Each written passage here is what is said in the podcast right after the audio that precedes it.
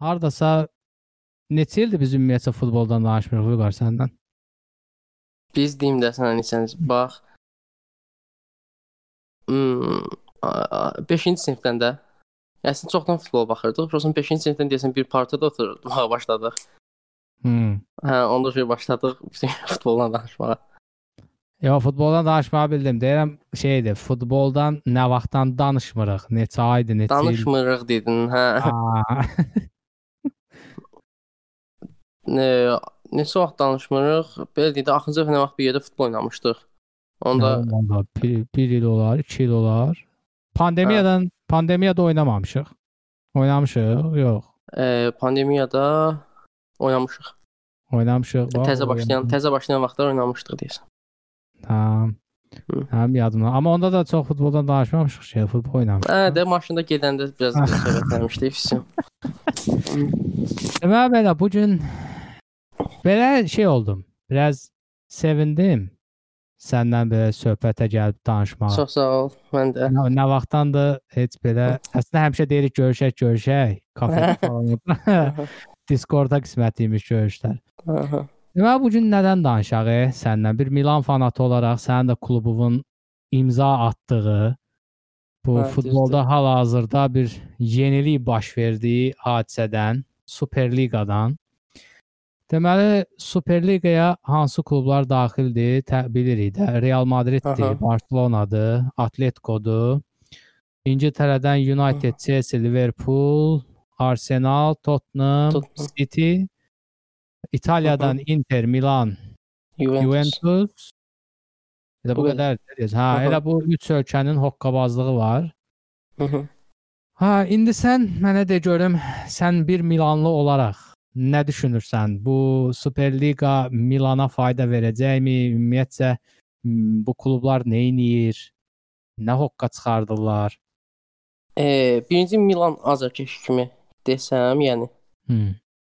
E, sözsüz ki, yəni tutaq ki də belə deyək. Milan Avroliqada tutaq ki belə deyək, hal-hazırda yəni Sirven Zvezda ilə oynamağı mənə heç maraqlı gəlmir də, belə çəkici gəlmir də, yəni. Ha. Amma tutaq ki Milanın Real Madridlə oyunda o iki dənə komandanın geri bir yan-yana gələndə mən o görə həyəcanlanacağam. Yəni bu mənada əlbəttə mən istəyirəm ki, Milan şeylərlə oynasın. Güclü komandalarla qarşılaşsın həmişə. Aha. Yəni həm də ki, e, onsuz da inkişaf üçün mütləq şəkildə güclü komanda ilə qarşılaşmalısan da, yəni.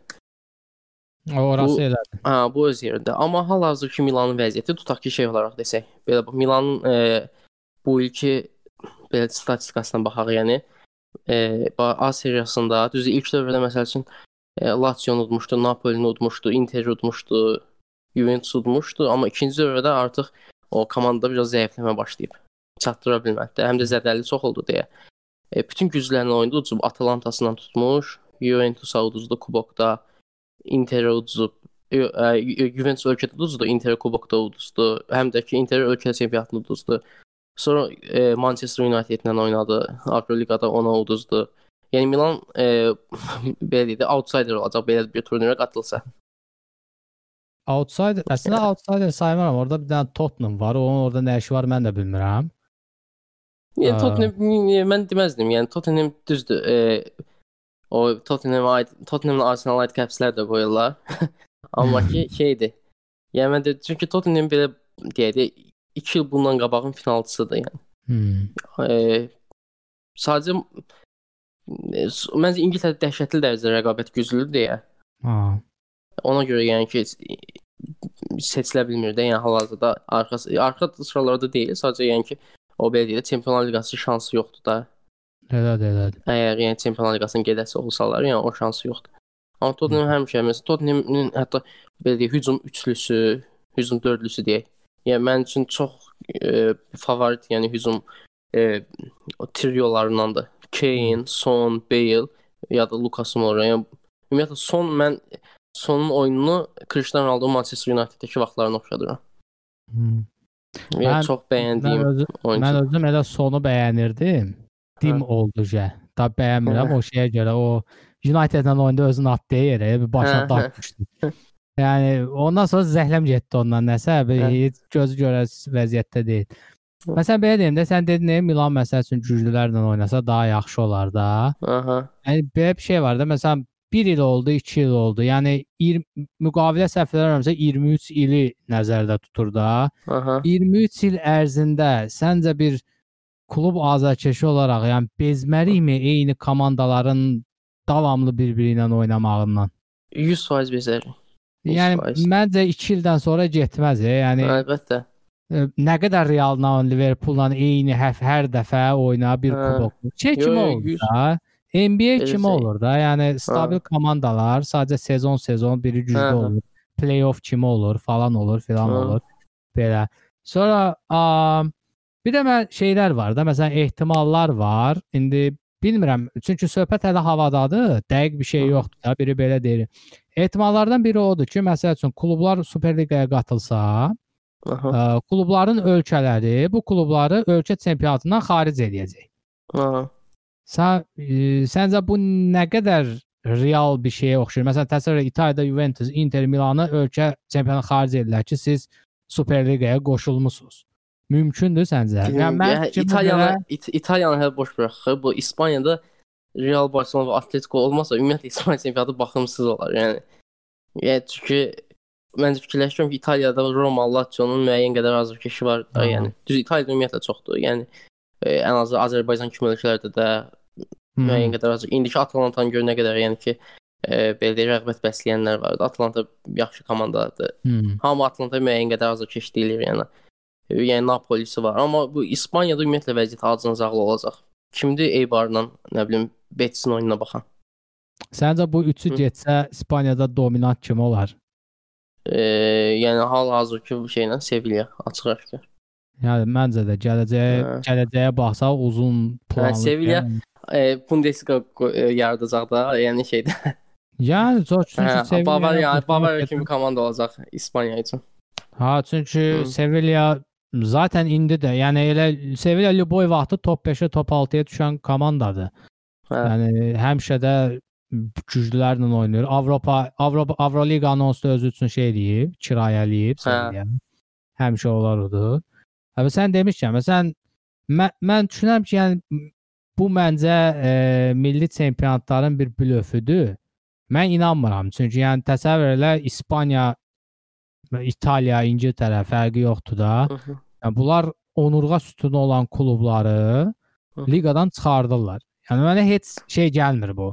Real gəlmir. Sadəcə blöf kimi gəlir ki, yəni güya Aha, qorxutmağa mən də-. Mən mən də elə gəlir, mən də elə gəlir. Hə, yəni ki, Mümkün deyil. Yəni hə, təsəvvür edin sadəcə İngiltərəyə bax. İngiltərəyə bax. 6 dənə üstün komandadır. Sən bunu hara çıxardırsan? Yəni tamam bunları çıxartdın deyək.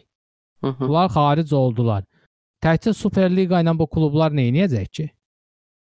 Yo, e, məncə bu e, klublar da e,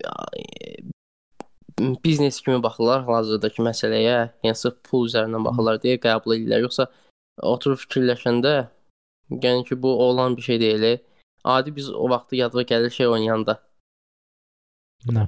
E, tutaq ki, e, şey qrupu oynayırdıq da Winning Eleven vaxtında. Futbol Aha. oynayanda özümüz götürdük, liqa qurduq, istədiyimiz adın güclü komandalar seçib özümüz üçün orada bir dənə e, Super Liqa kimi bir şey vardı. Hə, Yaradırdıq güclü komandaları. Yəni orada adətən birinci dövrə qutarandan sonra bezirdik, ki, ikinci dövrəni oynamırdıq da yarımçı qoyurduq çempionatı. Başqa klub və yaxud da komanda seçirdik, yəni. Adam yəni həm bezəcəklər, həm nə bilim. Yox, yəni ümumiyyətlə be- belə baxanda e, mənim özümün fikrim odur ki, yəqin ki, əvvəl axır ortaq məxrəcə gələcəklər.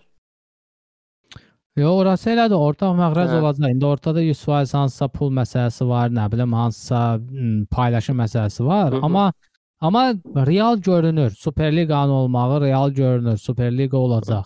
Amma bu klubların ölkədən xaric edilməyə falan filana inanmıram. Plus Hı -hı. ə, belə deyim də həmin bu klublar indi 20 dənə klub olmalı da mən bilən. İndi 12-si yığılıb oradan buradan dəvət eləyəcəklər də çox güman. Mən prosto xoşum xoş olmayan nə oldu? Məsələn, sən neçənci ildən ya aktiv olaraq ya Milana baxırsan da, hardasa 2004-dən 2005-dən var. Aktiv. 2003-dən, 2003-dən. Hə, 2003-dən. Milan o çempion oldu ya, Juventus finalda. Ha, ha, Yəni o baxırdım belə amma ümumi aktiv 2002-2003 sezonundan da. Ha, 2002-2003 mən sezonu aktiv.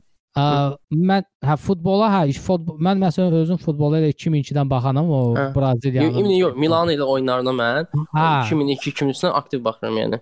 Hə, mən Hə. məsələn United-in oyunlarında mən hardasa səhv eləmirəmsəm Rooney təzə gəlmişdi. 2004 falan 4 idi. hə, ola hə o vaxtlar Hə, hə. Premier Lig o vaxtda Lider TV-də uje bayağı Hə, hə, tutmuşdu hə. Premier Liqa. Hə. Ha o dönəmlər Rooney falan vardı. Mən o vaxtdan izləyirəm. Abi mən məsəl üçün məyus eləyən, xoşuma gəlməyən nə oldu? Mən illərdir məsələn mən United dəstəkləyirsən də mən bu 2004-dən bəri neçə dəfə çempionluq yaşadı. Yəni nə qədər sevindi də, sevindirdi də United məni. Yəni ölkədə təsəvvür də Hı. ə, nə qədər qazandı da Liverpool gəldi, keçdi, rekord Hı. qırdı ən çox. Sadəcə mənə xoş olmayan nədir? Nəinki United, o birlər də artıq elə bir bunlar elə bir şərait yaratdı ki, məsələn fanatı olduğum kluba belə şey oldum ki, neqativ yanaşmaya baxdım ki, yəni sırf belə deyim də pula görə hərəkət etməyə başladı da klub. Məsəl üçün o Bielsa dedi, futbolun marağı odur ki, zəif klubların güclü klubları udmağıdır. Futbol yəni Hə, ona bir ümidləri var. Və indi Hə. bu Super Liqa olsa, məsələn Çempion Liqasında artıq bu güclü klublar yoxdur da, Super Liqası var, amma Hı hı. hər şey yolundadır. Bir dənə elə bir ki Super Liqa var deyək. Hı -hı. Bax bu məsələn Liverpooldur, Uniteddir, Chelsea-dir, City-dir, Tottenhamdır da bu klublar özəldir. Bu klubların oyununa baxırsan və digər klublarda İngiltərədə məsələn West Ham olsun, Leicester olsun, bunlarla dirəşməyi sevən, bunlardan qalibiyyət qoparmağı sevən də. Yəni onlar üçün Hı şey hı. kimi də, din kimi bir şeydir də futbolda. Hı. İndi bax bu Super Liqada da dəyişməyən komandalar olacaq. 15 dənə stabil komanda olacaq. Bunlar da Hı. təbii ki, indikilərdir də United. Mən sadəcə məyus o ki, bu demək bu o deməkdir ki, bundan sonra liqada qalsalar belə, məsələn United e, top 4 çempionluq haqqında öcə fikir, yəni top 4-ə düşüm dərdi çəkməyəcək. çəkməyəcək. Hə, yəni artıq Yəni. Pula gedir də belə deyim də oyun Hı. algı satqısı olsun, belə maraq olsun, öcə itəcək də. Məsələn bir bir var ki, kluba baxırsan, həyəcanla Şirkət bir- kimi, şirkət kimi istifadə edirlər klubu da. ay sağ ol, ay sağ ol. Yəni Hə. klubun ücə şeyi qalmır da. Məsələn 38 oyun bir sezonda baxırsan, həyəcan keçirsən, Hə. 5-ə qalxdı, 4-ə qalxdı, 1-ə qalxdı, düşdü falan. A, o da niyə? Həm çempion olmağını istəyirsən klubun, həm Çempionlar Liqasına düşməyini istəyirsən. Hı -hı. Belə olan halda çempionluğu qoydum qırağa. E, məsəl üçün elə olacaq ki, e, liqanın vecini almayacaq. E, 15-də, 8-də, 9-da bitirəcək. Zato biləcək Super Liqadan məsəl üçün Hələ gözü baxa görə hə. Hələ baxa görə liqada qoyacaqlar bu klublar oynamağa yoxsa yox. Mən bir şey Hə. düşünürəm. O klublar liqada qalsa belə, Aha, göz qoymayacaqlar deyirsən. hə? məncə klubları ə, divizyon aşağı salacaqlar. Cəza kimi. Hə. Ya ola nədir, amma Ola Xals bilər. ilmədə gecdir. Yəni Hı. sezon qutarır. Ola bilsin ikinci divizyona zada salsınlar. Çünki Yox, mən bu il hə, inanmıram. heç bir liqada inanmıram bu ilə aidiyyət olsun onun şeyində, yəni bu il o şey gecdir. necə gecdir. var. Amma indi söhbət bir şey yadıma düşdü. Bu ümumiyyətlə bu Super Liqa biraz şey oxşatdım mən. E, Millətlər Liqasının A səviyyəti var, e, güclü komandaların Hə, hə. olduğu şey. Qruplarda belə deyək. Onu oxşadı. Yəni əgər əlavə məsəl tutaq ki, Çempionlar Liqasından, Avroliqadan əlavə bir turnir təşkil etmək istəyirlərsə, Hı. düz necə əvvəl Intertoto Kubok var idi, amma orada zəiflər çıxış edir də. Yəni şey eləmək olar tutaq ki, yəni Super Liqa əlavə bir turnir kimi təşkil etmək olar. Amma ki şeydir, yəni Super Liqada tutaq ki, güclü komandalar olar. Güclü deyəndə adsanlı klublardır, belə deyək. Adsanlı klublar. Çünki güclü bir sənəyə görə deyirəm. Çünki Porto Juventusdan hal-hazırda güclüdür, amma Porto yoxdur orada, Juventus var yəni. Tutaq ki də. Hı. Yəni e, tutaq ki, onlardan bir səviyyə aşağı klublar da e, başqa bir çempionat təşkil etsinlər, orada oynasınlar. Hər il dəyişkənlik olsunlar. Məsəl üçün tutaq ki, e, B liqasında tutaq ki, Hmm. ilk 4 yeri tutandan adi e, ölkə çempionatı olmayacaq, beynəlxalq bir klublar arası çempionat olacaq da bu. Çempionlar Liqası və Avroliqadan xaric olan. Yəni bu Hmm. sadəcə o, elə bir şey də təşkil olunsa, oyunçular da fiziki cəhətdən inanmıram çatdıra bilsinlər də. Həm ölkə çempionatında oyna, ölkə kubokunda oyna. Çempionlar Liqasında, Avroliqada oyna, plus da ki gəl e, şeydə də oyna. Ay yox, yox, oyunçular Hə. çox. Adicə İngiltərədə ə, qış tətili gec başlayır. A, yəni tətili olmur demək olar. Hə, Qışda olmur Bo-. Boxing Day var da. Ha. Məsələn İngilis klublarının Çempionlar Liqasında, Avroliqada həmişə zəif təsir bağışlamanın birinci səbəbi ə, yüklənmələrdir. Məsələn, cəmaət yanvar ayı dincəlir, ingilislər Boxing Day-də bir-birini döyürlər yəni konkret. Ə, ikinci səbəb də məsəl üçün mən həmişə deyirdim, məsələn sən indi İtalyan klub fanatısan da, bəlkə də onu sən sənlə həm sənə bəlkə demişəm, dəfələrlə demişəm. Məsələn həmişə deyirlər ki, ingilis klubları Avroliqalarda, məsələn Avropa ku- kuboklarında çox zəif təsir bağışlayırlar. Bağışlayanda da 1-2 sezon biraz pik olur, sonra yenə düşür. Məsələn. United-in özü ə, Ferguson ə, 27 il klubda oldu. Ə, yəni adam şey oldu. Yəni 2 dəfə Çempionlar Liqası qazandı. Hı -hı. 2, yəni 13 Premier Liqa qazandı, 2 Çempionlar Liqası qazandı. Yəni baxırsan ki, United məsələn Ferguson dövründə qəşəng idi, yaxşı idi, amma Çempionlar Hı. Liqasında da çox da güclü olmur da. United mən həmişə deyirdim ki, United Avropa arenası üçün Ferguson dövründə United Avropa arenası üçün hazırlanmış komanda deyildi. Sırf Deyil, düz. İngiltərədə rekordu Liverpoolu keçmək üçün hazırlanmış Hı. komandaydı. Yəni indi də görürük Çünki məncə zaten. əsas səbəbi də o idi ki, məşqçi özü Britaniyalı idi. Yəni Britaniya futbolunu bilən adam idi. Yəni Avropa təcrübəsi yox idi. Avropa Yəni. təcrübəsini Manchesterla elə o yığdı da. Bəli, bəli. Hə. Bilirsiniz, belə bir şey var da həm də. Ə, ə, İngiltərədə belə məsələn İngiltərədə 20-ci yeri tutan klub Hı -hı. səhv eləmirəmsə, e, Çempionlar Liqası qazanmış klubdan daha çox gəlir əldə eləyir. Düz deyirsən. e, Yəni ki, şeyə çıxanda e, bil ki e, tutaq ki, mən Nor Norwich City-ni götürəndə həmişə Aha. qalxır şeyə Premier League sonra düşür. Norwich City indi qalxdı da, öcə artıq qalxdı. Yəni. hə. E, o y- y- səhv eləmirəmsə 140 milyon aha, falan gəlir əldə eləyəcək. Hə. Premier League qalxmaqdan qalxmağına görə də. Amma Çempionlar Liqasının qalibi olan komanda isə 125 yoxsa 129 milyon qazanc Aha. əldə edəcək. Hə, Gör fərqə bax da yəni. Hə, fərqə bax da məsələn bir ingilis klubu, yəni elit Hı -hı. bir klub. Hələ biz Norwich deyirik. Ya məsələn e, United-in özü elitdir. United fikirləşir Hə. ki, qardaş, mən Premier Liqada dominant olaram, pulumu qazanaram. Nəinki Avropada yalandan özümü yorum. Yəni Avropa üçün boşu-boşuna şey eləyim. Mən Premier Liqada gedirəm də. Yəni şey də Hı. oydu. Məsələn Liverpool-a bax, Liverpool nə oldu? 2 sezon pikin yaşadı, Hı. düşdü. E niyə? Çünki sən nədir? İngilis Etiraz görmür klubları artıq. E. Yəni ingilis klubları həmişə belə olur. İngilis klubları həmişə düşünür ki, 10 ildən, 15 ildən bir Avropa kubok qazansan bəsdir. Hı. Mən əsas olan o ki, məsələn, liqada mən nəsə Hı. boy göstərim, yəni mənə bu lazımdır. Yəni iki dənə Hı. səbəb budur məsəl üçün. Son İndi illər- gəlir Bir dənə City-dir ki, e, belə deyək, e, azca 3-4 sezondur da, hmm. yəni ki, Çempionlar Liqasında da yaxşı oynayır. Amma Məncə o da şeydir. Çempionlar Liqasını qazanmayıb deyə bilərdi və Guardiola faktoru var ki, Guardiola şeydir. Yo, Yəni sırf mən, Avropa məşqçisidir. ümumiyyətlə mən City-yə baxıram. City düzdür, yaxşı heyəti var falan filan, amma Hı. illərdir gəlir elə yerlərdə uduzur ki, adam lap gülməyə Hə. gəlir. Amma belə bir şey də var. Mən məsələn Gua- ümumiyyətlə Guardiola ə, City-yə gəlib komanda yığanda mən öz özümə həmişə deyirəm ki, yəni City İngiltərə klubu mentalitəsində klub deyil. City belə demək, İngilis fəlsəfəsi üzərində elə bir getmədi.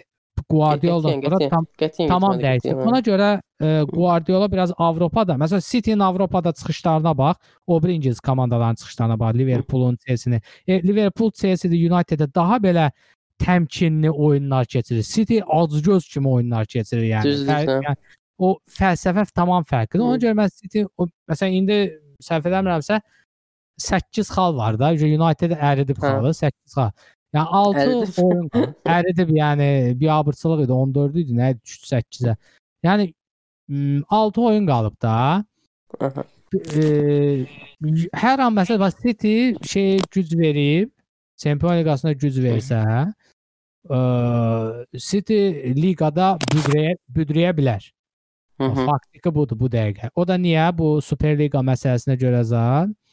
Ola bilsin büdrəmə başlasın, oyunçularda oynamama, etiraz tipli falan. Ə, United bəlkə əridə. Amma yenə gəlib sən nəyə dayanırıq? Məsələn bu- boyda sezonda United ikinci çıxır da. Əgər Super. Liqa olsa, yəni mənası nədir ki? Yəni bizə necə olur? Məsələn bir United-də kimi mən düşünürəm, nə düşünürəm? United birinci deyilsə liqada, yəni Super Liqada Hı oynayırsa, -hı. ölkə liqasında birinci qutarmırsa, mən ölkə liqasına nəyə baxıram ki? Prostunam, yəni baxıram, görürəm ki, yox, e, bu şey olmur da, adı nədir? E, heç bir məna kəsb eləmir. Sən demişsən, yəni Hı. liqada tamam qaldı, amma ə, liqada niyə qalır? Yəni United məsəl üçün nə bilim, e, United-in bundan sonra mən mən mənə həmişə maraqlıdır. Yəni liqa oyunları çox maraqlı olur. Yəni e, United-in bundan sonra West Ham-dan oyunun nə marağı var ki? West Ham utsa tamam, ona xal. United udmağa yenə bir şey olmur. Lap. Milanın gəlib ikinci bitirməyi İtaliyada. E, e, neyniyim? Onsa Super Liqada var. Hə, Ey, olsa ki. Mən məsələn e, Milan bu il oynananda baxanda o qədər həyəcan keçirirəm ki, yəni çox ən böyük istəyim odur ki, bir dənə bu 4-yə düşsün ki, Çempionlar Liqasına getsin də.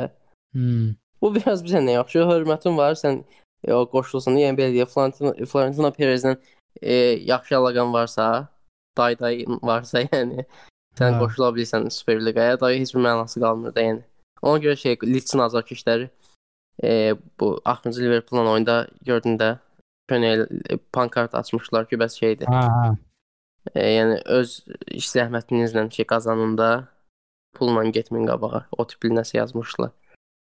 Ya elədir də. Yo zaten. Yani Hı. futbolu futbolu ya kanka Hı. yani futbolun əvvəlki marağı bu o Super Liqa e, belə də söhbəti mən elə xatırlayıram ki, hardasa bəlkə də 5-6 il gedirdi. Yəni ilk dəfə o 5-6 il qabaq elə bir şey vardı ki, klubların çempionatı yaranacaq, hansı ki top klublar iştirak edəcəkdi o çempionatda. Amma o bu qədər o belə deyək də çaxnaşma yaradacağı gözlənilmirdi. Adidə şey kimi mən baxırdım ki, bu, bu klubların klublar arası çempionat bu şey kimi olacaq. Audi Cup falan keçirilir yayda. Hə, hə. Hə, mən deyirdim ki, elə bir şey olar, yəni.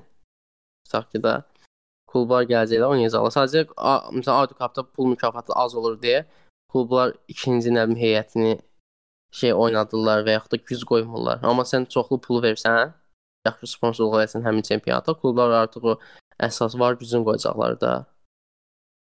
Amma yenə də bu qədər çaxnaşma yaradacağı heç ağlıma gəlməzdi. Elədir, elədir. Məsələn, əm, şey də indi düzdür, yəni deyirəm, hal-hazırda heç bir şey yoxdur. Qısa konkret, yəni rəsmi olaraq bu qərar verildi falan da bu Hı -hı. ölkədə qalacaq, qalmayacaq klublar falan. Amma son açıqlamalardan görsən ki, Perez falan da deyir ki, boş söhbətdir də, yəni heç kim heç kimi qovmayacaq, eləməyəcək falan filan. Am tutaq e, belə deyim də, Super Super Liqa yaransa, hamısı getsə ora, bunları ölkə çempionatından qovsalar, ümumiyyətcə atsalar 5-ci, 6-cı liqaya. Yəni birinci birinci liqada kimi dəstəkləyirsən İtaliyada? Hmm, hansı hansı klubu dəstəkləyirəm? Hə. Yəni açığı e, belə deyək də, indiki vaxtda Benevento-nu dəstəkləyirəm. O da Filippo Inzaghi'yə görə. Neçənci yerdələr indi o? Hmm, 16-cı yerdə. E, bir dəqiqə 17-ci, yox 16-cı yerdədir. 17-də Torino'dur, 16-da şey İ- Benevento. İnzaghi nə vaxt gəlib ki ora? Inzaghi 2 ildir ordadır. Elə bir şeydən çıxartdı. B seriyasından çıxartdı A seriyasına. Ha, ke keçən il harda qurtarmış? Onda keçən biraz yüksək. Keçən il çempion oldular. Yox, keçən il şeydə də B seriyasındaydılar, çempion oldular. Hə, keçən çempion oldular. Hə. Hə, hə, hə. Keçən B seriyasında amma yəni ki bu aprel idi, yoxsa martın axırı şey idi. Yəni o pandemiya bit bitməmiş şey yüksəldilər A seriyasına, yəni Hmm. pandemiya başlamamışdı hələ. Bu şey şey e, Benevento yüksəldi A seriyasına. Çox qabaqlamışdı. Məğlubiyyət bir dəfə yoxsa iki dəfə də məğlubiyyət almışdı. Çox yaxşı oynayırdılar. Yəni sırf Ha. Filippo Inzaghi'yə görə Benevento dəstəkləyirəm, amma belə yəni bu oyuna baxacam da kimin oynamaq maraqlı gəlir. Sassuolo neçə ildir İtaliya çempionatına rəng qatan bir komandadır. O elə komandaları dəstəkləmək olar. Necə ki İngiltərədə tutaq ki, e, digər komandalara baxanda İngiltərədə mənə azıq işləyən ki, böyük klublara çıxaq. E, Leicester də əslində böyük klub kimi saymaq olar. Yəni Leicesterdən çox xoşum gəlir. Amma belə zəiflərdən keçən Wolverhampton oyunu çox xoşuma gəlirdi mənim. Ha, Wolverhampton heç də onlar Hə. şeydir də. Leeds, Leeds bu il məsəl hə ya. idi. Açıblar orada. Formalar, 3-cü formalarda Portuqaliya Hə, forması. O- Ya, ə, biz keçən Adam Traore'nin oyuna baxırdım, çox xoşum gəlirdi. Adam əməli başdı. yəni il xoşum gəlirdi. Bu il düşür. Bence düşdü axırıncı. West Ham'ın oyunu qəşəng oynadı. Hmm. Hmm, amma belə hə düşüb. E, şey Leeds yazdım United məsəl üçün bu il çox yaxşı oynayır. Ha, Məqsədlər Bielsa də var, Bielsa da, hə. Chelsea heç də. Məsələn, West, mən West Bromwich bir dənə bağışda buna deyim. Evet. West Bromwich məsələn axırda olsa da, axırdan bir dənə qabaqdadır. 19-cu yerdədir. hmm, West Bromwich belə də pis oynamır. Yəni son oyunlar əsasda, son oyunlar yaxşı oynayıb. West Bromwich'in hücumu yaxşıdır. Adamlar Hə. prosta müdafiədə bərbaddılar. Düzdür, düz müdafiə bərbaddır. E, mən əsas e, məsələn türk oyunçulara görə izləyirəm onlarda və Okay Yokuşlu. hə, Xoşum gələn futbolçudur. Və Okay Yokuşlu baxıram ki, West Bromwich-də inkişaf elədi də, Türkiyə yığmasına fayda verir. hmm, Yəni o İngiltərə çempionatı oynaya bilən oyunçu üçün, yəni özünü inkişaf etdirmək istəyən, fiziki cəhətdən satdıra bilən oyunçu üçün çox gözəl çempionatdır. Çünki yəni Okay Yokuşlu e, güclü futbolçu deyildi mənə görə. Amma West Bromwich inkişaf elədi. Elədir, elədir. Bir dənə Hı. Türk proqramı idi, idman proqramı. Orada belə Aha. yəni deyirdilər o Tuncay Middlesbrough-ya zada getməyi Hə. danışırlar. Deyirlər Tuncay Middlesbrough-ya gələndə Türk azarkeşlər deyirdi bu nədir? Gedə-gedə bura getdi falan. Ha, elə deyirlər aslında. Amma belə bir şey orada yaxşı söz dedi. Dedi amma belə bir şey var da bir türk oyunçunun hətta 20-ci yerdə gedən ingilis klubuna getməyə belə böyük başarıdır yəni. Hə, Adam e, orada gö- inkişaf görürük edir. də hal-hazırda, yəni Okay Yokuşlu'nun timsalını görürük. Yəni 19-cu yerdədir. Yəni Yola daha girir, hə. disiplin orada disiplin var da. Yəni sən Hə. oynamaz, oynamadın, çıxardıb atacaqlar çölə. Hə. Məcbursan ki, oynayasan.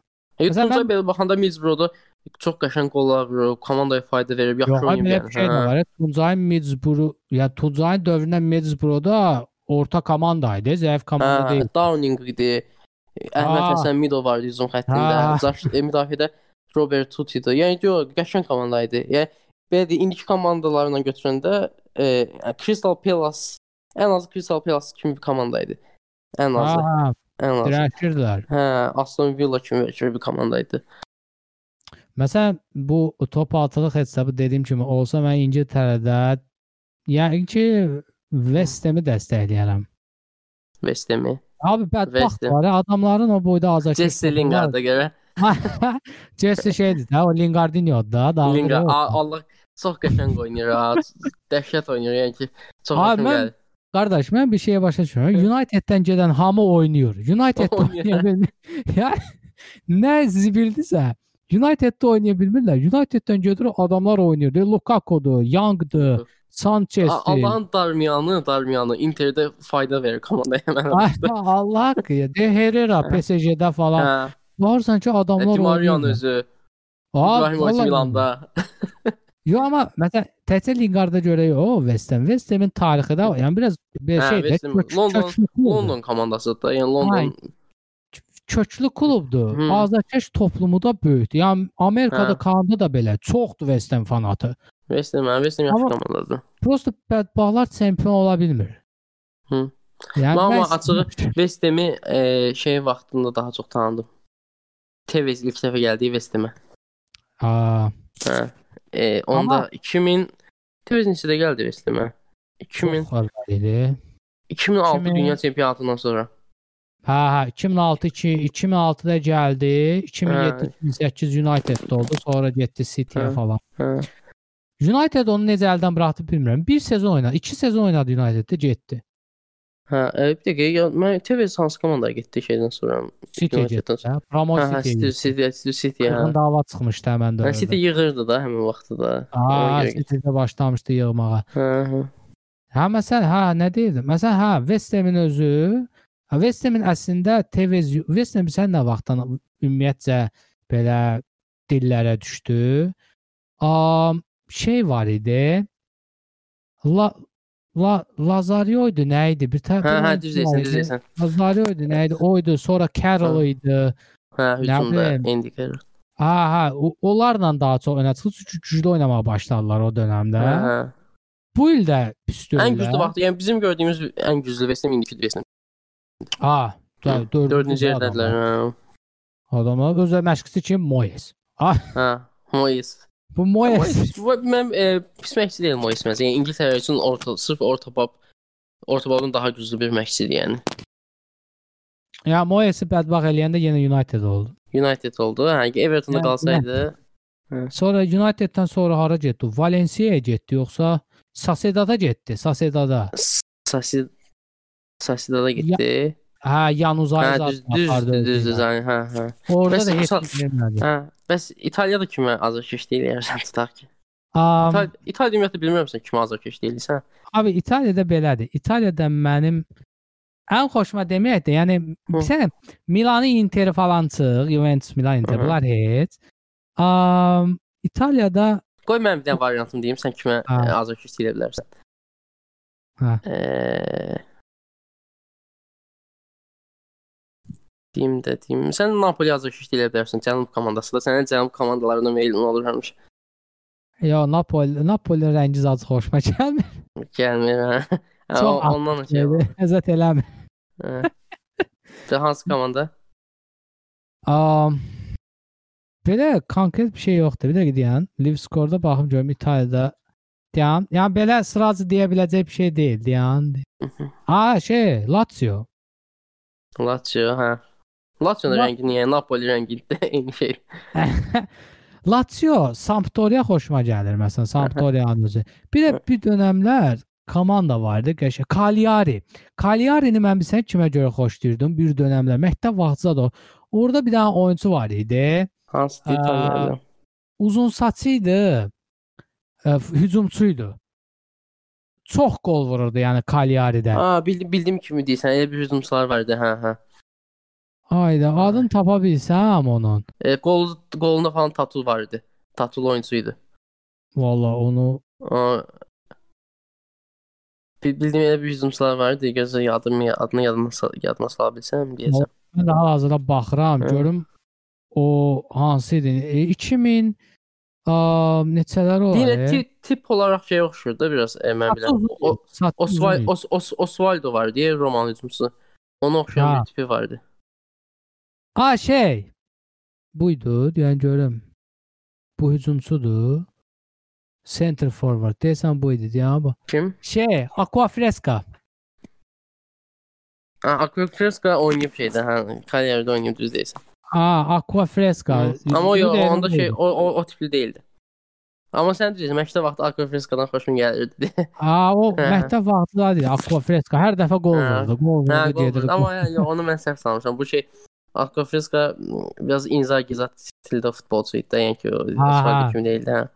Ümumiyyətlə İtaliyada Inzaghi kimi futbolcu, məsələn Luca Toni var idi zaten. Hə, Lukaton dəhşət hücumçusu idi. 2000, Lukaton 2000, 2006-nın özəklərindən biri idi Luca Hə. Toni. Lukaton ümumiyyətlə şey deyə, e, rekord vurubdu İtaliyada. E, ən yaşlı bombardier olan oyuncu. A, bildim şeydə idi. Ha, ha, o. 39 yaşında Icardi ilə bir yerdə 2014-15 mövsümdə idi. deyəsən. Ver Verona idi yoxsa Hə, nə? yoxsa, on, Hara? hə, yoxsa hə, Ver e, Hellas Verona'da bombardier Ha. oldu. O, o indi Düz oynayır İtalyada o. Yo, yo, bitirib karyerasını. Ha. Düz İtalyada həmişə onsuz da yaşlı oyuncular bombardier olurlar. Quagliarella oldu. İndi Ronaldo'nun özü. Düz Ronaldo indi hansı çempionata getsə bombardier olar. Onu qoyduq amma İbrahimovic özü məsəl üçün çox qol atıb. E, Şey mən, həmişə belə olub.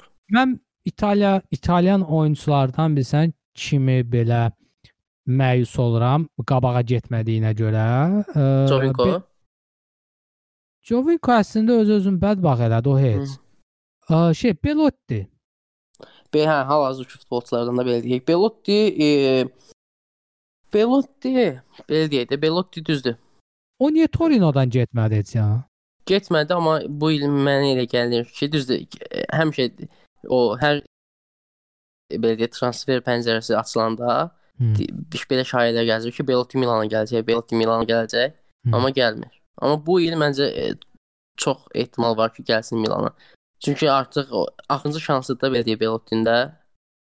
Hmm. Yəni getməlidir uşaq harasa. Getməsə e, ancaq İtaliyada belə deyək, orta olacaq Quagliarella-da belə deyək, fırlanacaq orta bax komandalar arasında. Amma bu il uşaq getməlidir. Həm də Torino özü də düzdür, çox güman ki düşməyəcək e, B seriyasına. Amma ehtimal var da, yəni bu il e, sonuncu yerlərdədir. Yəni Mil Ya, ümumiyyətlə- Milan Milana da hücumçu lazım deyil. Milan mütləq şəkildə hücumçu axtarışındadır. Ən real namizəd də Hı. Belottidir. Gəl, yəni Belotti gəlsə, Belotti düzdür. Belottinin adi oyununa baxan kimi bir, çox möhkəm sürəti var. E, axıra qədər yəni pressing eləyir. O top uğrunda savaşır da məli başda. Hı. Yaxşı hücumçudur. Mən bəyənirəm. Məsələn, neçə yaş olar? 30 30 33 var. O yox olmuyor. 93-cü ildir. 20. Aa! 27 Mən. Belotti Jotsa vurmuş. Neçə ildir oynayır ha? O Ya. mən o Jotsa vurmuş sayırdım. E, 20 yaşından tanıyırıq da biz onu. Hacı 7-8 il bundan qabaqdan tanıyırıq. Abi Belotti Yo, Belotti, yo, Belotti belə deyir, Belotti. Belotti e, e, Torino'da Immobile Chelsea hücum ikilisi var diye yadıma gəlir. Hə, e, şey, onlar e, şey, Immobile getdi Dortmunda. Chelsea-də gəldi Milana. 2013-cü il idi səhv eləmirəmsə. 2013-2014 bu illərdir. Həmin vaxtı şey, e, e, ki, Torino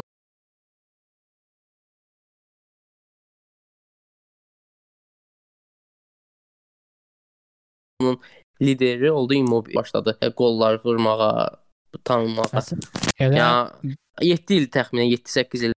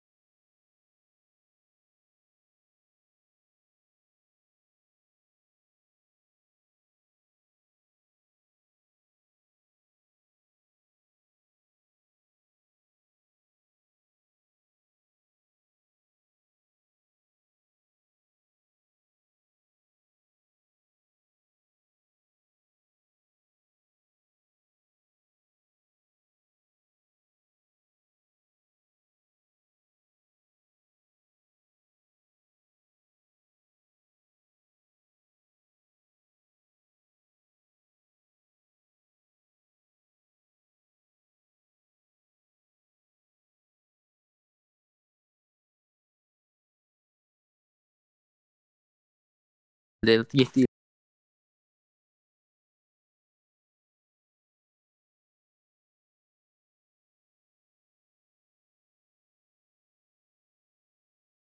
il Yəni- olar. Amma nə ya bilim. İtalyanlara yaraşmırdı o. Hə. Bədənə E, yapışan yəni İtalyanlara biraz Adidas boş. hər halda. Hə. Ya di- Adidas mm, yaxşı seçimdir. Onsuz Adidasın Puma rəqib olan bir şirkətdir. Mənim qar iki qardaş olublar da. Ha da Ulan onlar yaradı, olsun. He, heç nə Adidas sonsa standart şeydir, standart paltar Düzü hazırlayacaq. standart olacaq. Hə, Adidas Hə. standart Bir hazırlayacaq. dənə bədənə yapışan olmasın. Amma məsələn mən al e, alacağam İtalyan köynəyini Adidas olsa. Baxacam da gör necədir. Mən Bu arada Mən- on, aha, Hı, buyur. dedi. e, on deyək ki, İtaliya bu növbəti Avropa çempionatının yaydı olacaq favoritlərindəndir mənə görə. Ha, indi ona gələcəyik, onu Aha. deyəcəyik. Bu for, formada formada şeydir.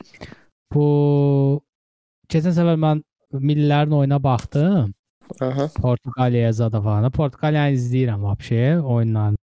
Hə, ümumiyyətlə onu deyim, şeyə yazdığım gəldi Netoya. Pedro Neto çox pis zədələndi. Yəqin ki, Avropa çempionatını buraxacaq. Dizini 6 aylıq gedib. Aa, o çox pis itki oldu Portuqaliya üçün. Aha. Bir də hə, məsələn Portuqaliyaya mən baxdım formadan sonra. Portuqaliya forması çox xoşuma gəldi bu il. Çox qəşəng bu Varatnikov falan belə Baxım şeydir. görüm necədir. Çox qəşəng forması var. Ə, birini zakaz eləmişəm. O var ya, o 40 30 manata da var ya forma. Hə. A klassda da deyir. Ha, adını zadı yazırsan, Hə. verirsən falan. Zakaz eləmişəm. Görüm yaxşı gəlsə, ə, fikrim var ki, bir dənə İtaliya forması, amma onun təzəsini alaram. Avropa çempionatına İtaliya Puma ilə gedəcək, yoxsa Adidasla? Yo, e, 2022-də də Adidas Puma ilə Ha, gələcək. Adidası ona gözləmək Aha, lazım. üç düymə köynəkdir Portuqaliyada. Çox qəşəngdir. Genç Aa, şəhəri. Hə, rəngi- o, e, to toya geymək köynəyi. Aha, rəngi zad da qəşəngdir. Yəni Hə, çox konkret doğrudan çox qəşəngdir. hə. Ümumiyyətlə üç düymə köynəyi həmişə mən xoşum gəlir futbol klublarında. Bu, bu da Yo, qəşəngdir. çox qəşəngdir. Çox qəşəngdir. Varadnikli falan. Hı. Özdə şeydir, tikilişləri falan filan. Hı. İndi bir dənə İtaliya. Hə. bilmirəm İtaliyada necədir? İtalyan forması stabil olur. Ya. Onlarda göydür də. İtaliyanın yaşıl forması çıxmışdı. Keçən il. O heç geymədilər. Səvət. E, pandemiya Geyindilər imkan onu. yazdılar. Geyindilər, hə, o Geyinmədi. bəzi oyunlarda geyindilər. İtalyan Aslında forması İtalyanın indiki indiki forması qəşəngdir, naxışlı falan. Naxışlıdır, hə, naxışlıdır. Biraz bu Nivasyon ağacların köynəyinə oxşayır. Ağ forma ağ- qrey. ağ- ağ köynəsi. Belə ümumiyyətlə İtalyan paltarı heç vaxt pis olmuyor. Bu da Hmm. pisdir, amma yəni ki e, İtaliyada mən daha yaxşı forma gözlərdim də, yəni Portuqaliyanın köynəyi daha yaxşıdır. Açıq deyək. Yo, əslində. Portuqaliyançı tamam fərqlidir. O biriləri eynidir demək olar millilər. Portuqal tamam fərqlidir. Hə. Portuqaliya ümumiyyətlə, ümumiyyətlə yox, ümumiyyətlə dünya çempionatlarında, Avropa çempionatlarında Portuqaliyanın formaları həmişə fərqli olur. Bir fərqli rəng, bir dad, bir doku əlavə eləyirlər. O da Aralıq dənizinin fəlsəfəsidir də, biraz əyləncəli, rəngli falan. Hə, Avropa çempionatına gələk. Sən də ə, əslində sən Instagramda yazmışdım da. Yəni mənim Hə. Mənim də öz fikrimə görə, yəni əgər bir-biri ilə qarşılaşmasalar, mən şəxsən istəyirəm ya Portuqaliya İtaliya finalı olsun. Çünki belə düşünürəm ki, həm Portuqaliyanın heyəti yaxşıdır və Hı -hı. çox qəşəng heyətlər var həqiqətən və maraqlı komandadır, əyləncəli komandadır. Portuqaliyanın heyəti yaxşıdır. bir də İtaliyada heç də İtaliyada istəyirəm. Yəni İtaliya nə vaxtdan da Bax, uğursuzdur da. mən qardaş. e, yəni e, söz deyim ki, İtalyan heyəti heç yaxşı deyil mənə görə. Heç Hmm. yaxşı heyət yox. Sadəcə Mancini e, çox yaxşı. Mancini müəllim də belə çox yaxşı oynadır komandanı. Yəni ki, çü- çünki İtalyan heyətinə baxaq kimdir? E, Insigne'dir. Yəni ki, mən Insigne'ni çox güclü futbolçu saymıram. Orta səviyyəli bir oyuncudur.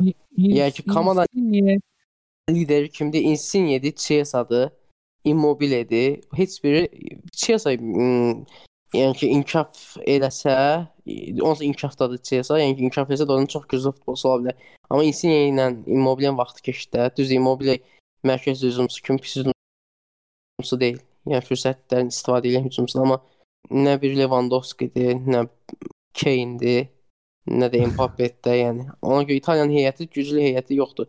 Jorginho-dur ortada, e, Verratti-dir. Verratti oynayanda çox yaxşı futbolçudur. Verratti. Bir də e, amma Verratti zədəyə meylli və vərəqəyə meylli futbolçudur. Bütün Ha. vaxt qırmızı vərəqə ala bilər, zədələnə bilər. Jorginho-dur, e, yox mən Jorginho-nu bəyənirəm, amma o da vaxtı keçirdi artıq. İn- İndi bir İtaliyanın yəni ki, məncə mərkəz sütunu belə təşkil edəcək futbolsa Barella-da əsas Interdə. Mən baxmışam bu il onun oyuna yoxsa yox, həddindən artıq güclü oyuncudur.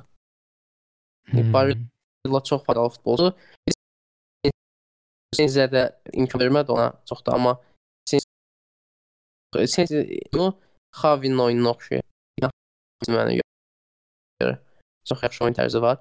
Yəni, İtalyan o belə deyək, e, yarım müdafiə xəttinin əsnlər olar olacaq. Pellegrini də var, Romanın oyunçusu, yaxşı oyunçudur. Sonra. Milandakı Tonali bəziləri tərifləyir, amma mənim Hmm. məncə o da orta səviyyəli bir futbolçudur. Heç çox yüksək səviyyəli futbolçu ola bilməz. Yəni it- müdafiə xətti də İtaliyada e, Bonucci ilə Chiellini artıq məncə ehtiyacı yoxdur. E, Chiellini həmişə ehtiyac var, sadəcə qocalır artıq və zədələrin çox güman ki, zədələr ona imkan verməyəcək ki, e, 90 dəqiqə oynasın. Yəni- tutaq ki. Onitsi ilə Hı. Chiellini çıxsaq ikili kimdir? İkili e, Romagnolini də çox güman ki, görməyəcək Avropa çempionatını bu oyunu. Heç Milanda heyətə düşmür də. Hmm. Yəni e, Ba- Bastoni olacaq çox güman ki biri. Bastoni Interdə oynayır da. Çox yaxşı futbolçudur Bastoni. E, çox fayda verəcək komandaya həm hava toplarında, həm topla davranmağı olsun, paslar olsun. Bastoni yaxşı müdafiəçidir. İkinci müdafiəçi də çox güman ki Acerbi olacaq. Lazio'nun Hmm. müdafiəçisi. Hı, Düz o da çox yüksək səviyyəli müdafiəçi deyil. Amma oynayacaq yəni. Ya da Milandakı Gabbi ola bilər, inkişaf elə inkişaf eləməyə meylli futbolçu, cavandır. Cinahlarda e, cinahlarda yəni çox güman ki e, s- şey olacaq. E, Romanın sol cinah müdafiəçisi. Gözdə adı necə yadımdan çıxdı. Romanın. Ha, Juventus'tan gel- geldi Roma'ya bu yıl. Ya o ola bilər, ya Frabot da ola bilər. Juventus'un gənc sol cinah müdafiəçisi. Yəni seçim şansı var belə deyək. Onlar oynada bilərlər. Sağda isə e, mən özüm yəni ki Milanlı olduğuma görə demirəm, amma mən e, sağ cinahda Kalabriyanı oynadardım. Çox inkişaf edib bu oyuncu, oyuncu bu ilə, yəni ki, bu bir il ərzində öz düz zədəldi indi. Amma öz üstündə o qədər işləyib ki, yəni Carvajal kimi bir şey olub da belli. Real Madriddəki. Şey də, yəni sən izləyirsən də. Ha, yəni Spinazzola, Spin- Spinazzola. O Spinazzola. Hə. Sən məsələn İtalyan futbolunu izləyirsən də neçə ildir falan filan da. Hı. Nə oldu ya bu İtalyan futboluna? Niyə belə heyətdə qıtlıqlar yaşamağa başlayıblar? Yəni düzələ bilmirlər elə sanki. Yığma heyəti yoxsa klublar deyirsən? Yığma, elə yığmanın özdə də İtalyanlar, İtalyan futbolçular. Yəni akademiyada mı problem var yoxsa? Yəni elə bir ki, əv əvvəl İtaliya deyəndə belə çox sayardın da qəşəng oyunçular, Hı. heyət baxımından zəngin idi. Klublar Milandı, Juventusdu, qabaqlarında dayanan yox idi. Ha. Bu 2006-dan sonra nə oldusa o dayaq heyət dağılandan sonra da bir də özünə gələ bilmir. Böyük komandalarda olur elə şey. Tutaq ki, indi e, son illərdə belə deyək 2010-cu il, 2010 demək, 2014-dən bu yana Almaniyanın heyəti çox geniş heyəti var. Almaniyanın Ha. e, geniş heyəti var, amma 2002-ci ildəki heyətə bax, düzdür finala çıxdılar da. Amma Hı. e, 2006-nın özündə olsun, yarı finalsı, amma heyət çox kasad idi. Eyni futbolçular da belə deyək. Yəni Podolski kimi futbolçu 2006-da ən cavan perspektivli futbolçusu sayılırdı Almaniyanın, amma mənə görə istedadsız futbolçu idi Podolski. Sürəti var idi və zərbələr güclü idi. Yəni belə Yeah. xüsusi bir istedadı yoxdur ki Podolskinin. O zaman Alman idi adam, yəni ki Alman şey var, nizam intizam var idi oyuncuda, yəni və Əslində onu 2006-da heç Podolski yox, Schweinsteiger parladı. Hə, Podolski də pis oynamadı. Yəni də o Almaniya o vaxtı geniş değildi heyəti. Hı. İtaliyada məncə hal-hazırda düzdür o dövrü belə deyə aşdılar artıq. İndi heyət genişlənir. Amma yenə də məsələn hücum cəh hücumsuz cəhətdən kasaddılar. Çünki düzdür indi Belotti, Immobile deyir hücum xəttində. Nə bilim Moise kim var. Amma belə deyir, Moise kim nə hücumsudur ki? Yox, Immobile'nin özü Belotti. Yəni 2006-dakı hücum xəttinə indiki İtalyan hücum xəttinə bax. 2006-da e, Del Piero'nun özü, Del Piero'nun özü hə, əsas sastavı, əsas heyəti düşmürdü heç. Mhm. kimi hücumçu. E, şey Yakinta var idi. Fiziki cəhətdən çox güclü hücumçu idi. Aa, E. Gilardino çox güclü hücumçu idi. Ehtiyatdan ikinci e, hissədən oyuna daxil olur da. Hücumda İtaliyada şeydi. Həmin illər. E, Totti ilə Toni idi əsas Hmm. hücumçular. Yəni Inzaghi-nin özü, Inzaghi çox yaxşı sezon mö- mövsüm keçirmişdi. 2007-ci il Çempionlar Liqası finalında o dubl elədi. Yəni Milanın əsas hücumçusu idi. da. Shevchenko gedəndən sonra ümumiyyətlə Milanın hücum xəttində Kaka ilə bir yerdə şou göstərdilər koca vaxtında. Amma oynayırdı. Inzaghi özü e, dünya çempionatında bir dənə yoxsa iki dənə oyuna çıxdı, bir dənə gol vurdu. Amma indiki İtalyan hücum xəttində Inzaghi kimi hücumçu olsaydı, o Məhdin heç vaxt dəyişməyəcəyi bir futbolçu olardı. Amma belə məsəl üçün e, güclü nöqtələri var İtalyanın. Güclü nöqtəsi mənə görə m, bir şeydir əsas. E, ha- hansı ki, hal-hazırda çox ölkədə e, o, o cəhətdən problem var. O dediyim Barella Sensi cütlüyü. aha. Ha, o çox yaxşı oyunçulardır. Yəni baş, başqa ölkələrdə o cəhətdən orta belə deyək də yarım müdafiələrdə problem var, amma İtaliyada yarım müdafiə düzdür yenə deyirəm, çox möhtəşəm deyil, amma yəni oynayırlar da. Əsas da Mancini çox qəşəng oynada bilir İtaliyanı.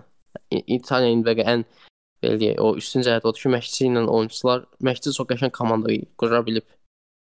Elə də elə. Məsələn, be- belə bir şey var da, yəni İtaliyada əslində nə qədər zəif sastav olsa da, yəni oyunçular ürəklə oynadığına görə hər an hər şey gözləmək olur. Məsələn, elə Hə. hadisə səfərimizdə 2012 2012 Avropa çempionatında. Finala abi ba ba Balotelli götürdü apardı İtaliyanı. Hə, Balotelli, Yəni Cassano. Alma Almaniyanı Cassano'nun Cassano 33-34 yaşı vardı. Qəşəng. Ya onu demək elə 2010 e, 2018-ci il idi də dünya çempionatında. Yox, 2018 yox. 2018-ə İtaliya gedə gedə bilmədi çempionatı. 2014-cü 2016-cı il Avropa çempionatında Conte'nin komandası. Conte Ha. götürdü şeydə De Sciglio ilə, Darmianla, nə bilim, e, Graziano Pelle ilə, Ederlə, yəni çox qəşəng oyun oynadırdı. E, Almaniya uduzdular yəni- 4-1 finalda. O da ki Almaniyadan daha üstün futbol oynamışlar həmin oyunda. Penallaşmada. Penallarda uduzdular. Hə, penallarda uduzdular ha. Ya ümumiyyətlə deyirəm də İtaliyada nə qədər heyət zəif olsa da məşqçi yaxşıdsa, adamlar Hə. zaten futbol mentaliteti var. Yəni ölkə üçün oynamaq. Bir də belə deyək də, yəni misal, vur- Hə, e, düz son illər Messi, Ronaldo'nun indi çıxaq, onlar olsa qızıl top qazandılar, amma heç İtalyan futbolçulardan indi kan 2006-cı ilin kanına varırsan çıxaq.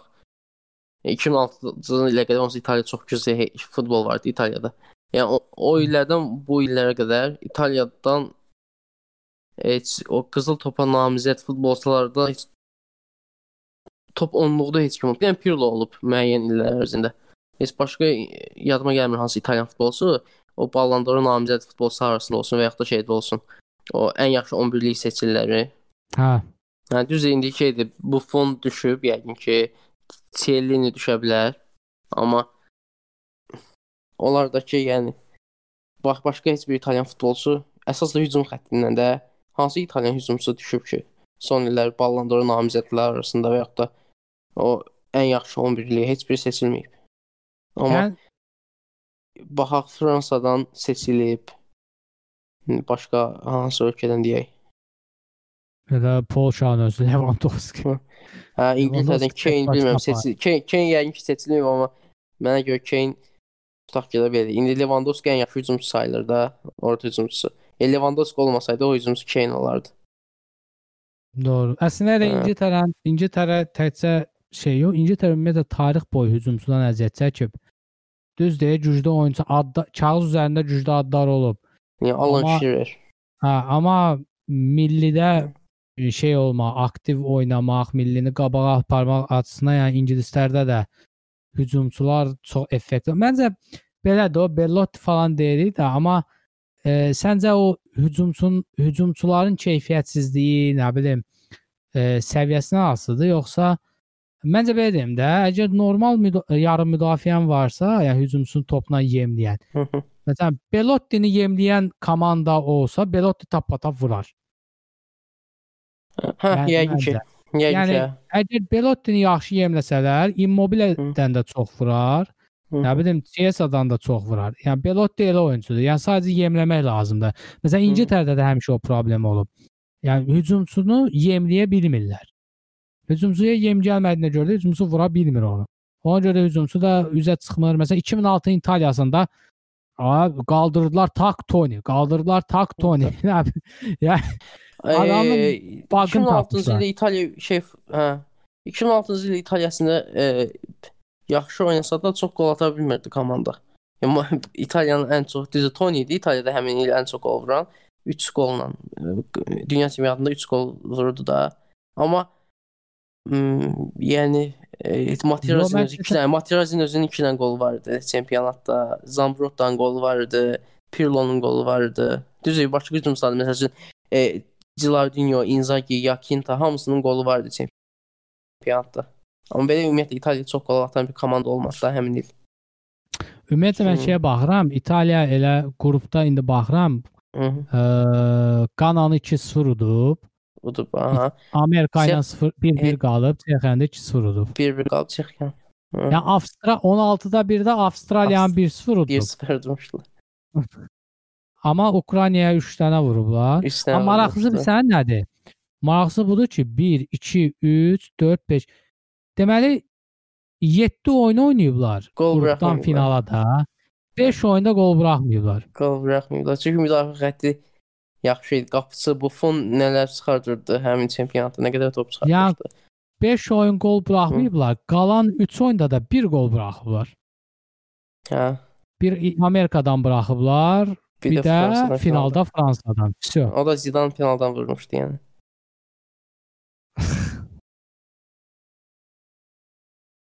yəni yaxşı 4 Əstəvlə, hətta 5 oyun, 5 oyun gol burax, 5 oyun, 4 oyun yox.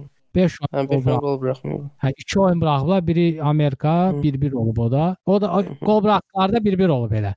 Fransa ilə, Amerika ilə. Amerika ilə Eee, Amerika ilə oyunda da nəyəsə görə İtaliya zəif oynamışdı, yadıma gəlir həmin.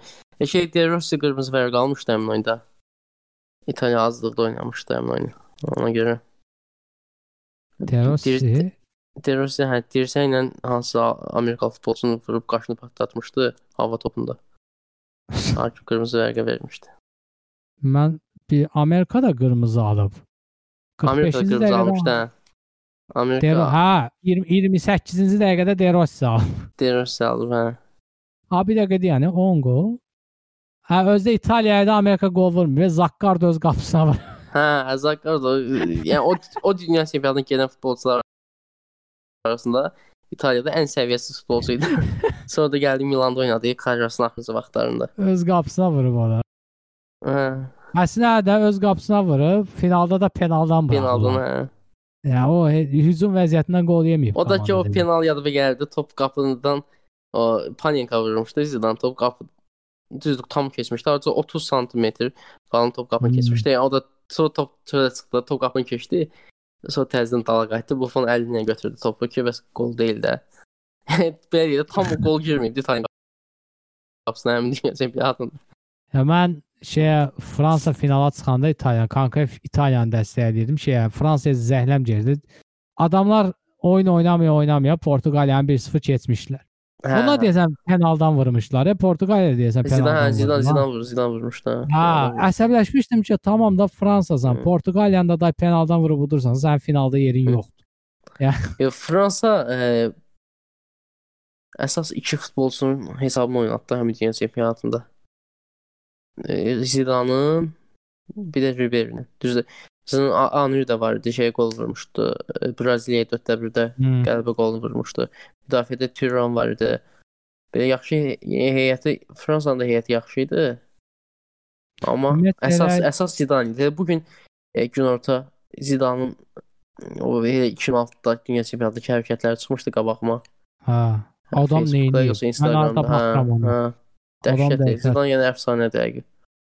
Şeyəm, məsələn, elə bu il e, 2020-də mən yəni Fransanın çempion olma ehtimalı var.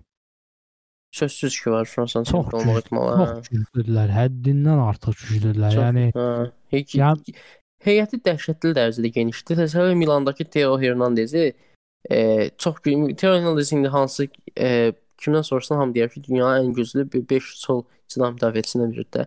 Yəni sonra e, Theo Hernandezi heyətə çağırmırlar. Benzema'nı hələ bunlar heyətə çağırmırlar.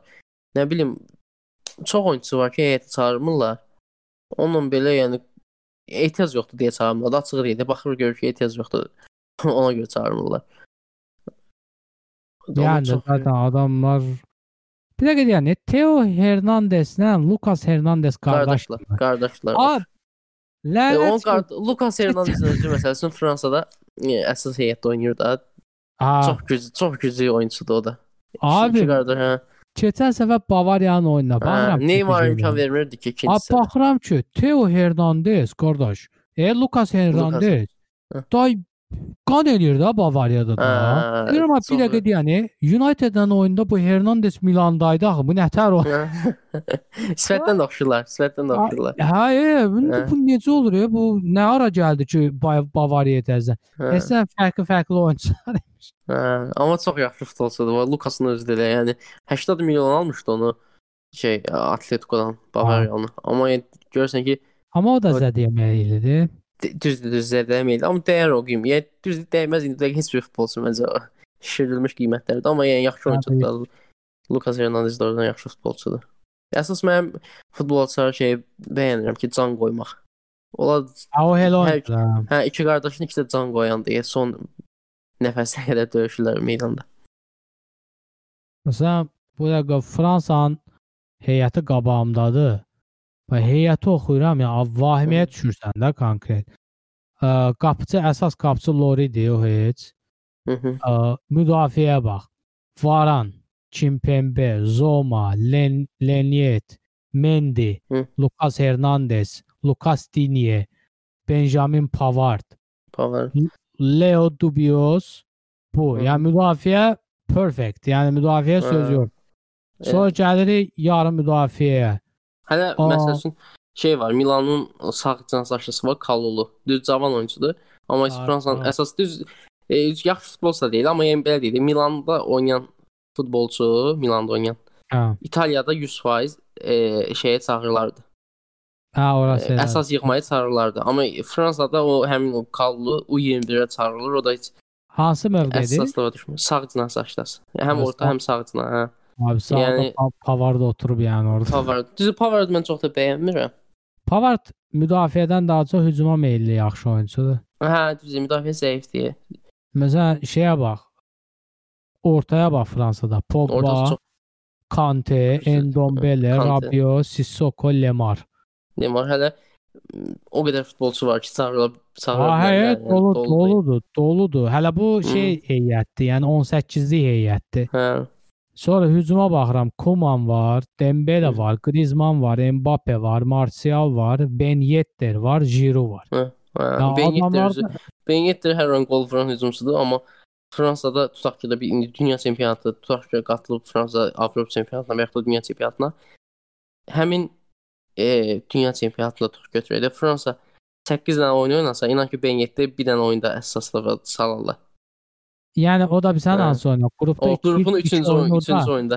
Hə, Hə, ilk hə, iki hə. oyununu da qalan üçüncü oyunda Ben Yedder girə, Griezmannla Hə, zadla hə. paslaşır. Hə. Amma gol da vurar. Elə oyunçudur. Vurar, Girər, hə, golunu da qəti vurar. vurar. Hə. Ya Fransa dəhşətdir. Fransaya baxıram, qardaş bu Ən nədir geniş belə? heyət. Ən geniş heyət. Hələ şey var, məsəl üçün e, Saint e, Alex Maxim var, O, Newcastle o, oyunçusu. o da zədə O fransız da səhvlənmirəmsə. Aha, Amma yəni onu heç çağırmırlar yəni.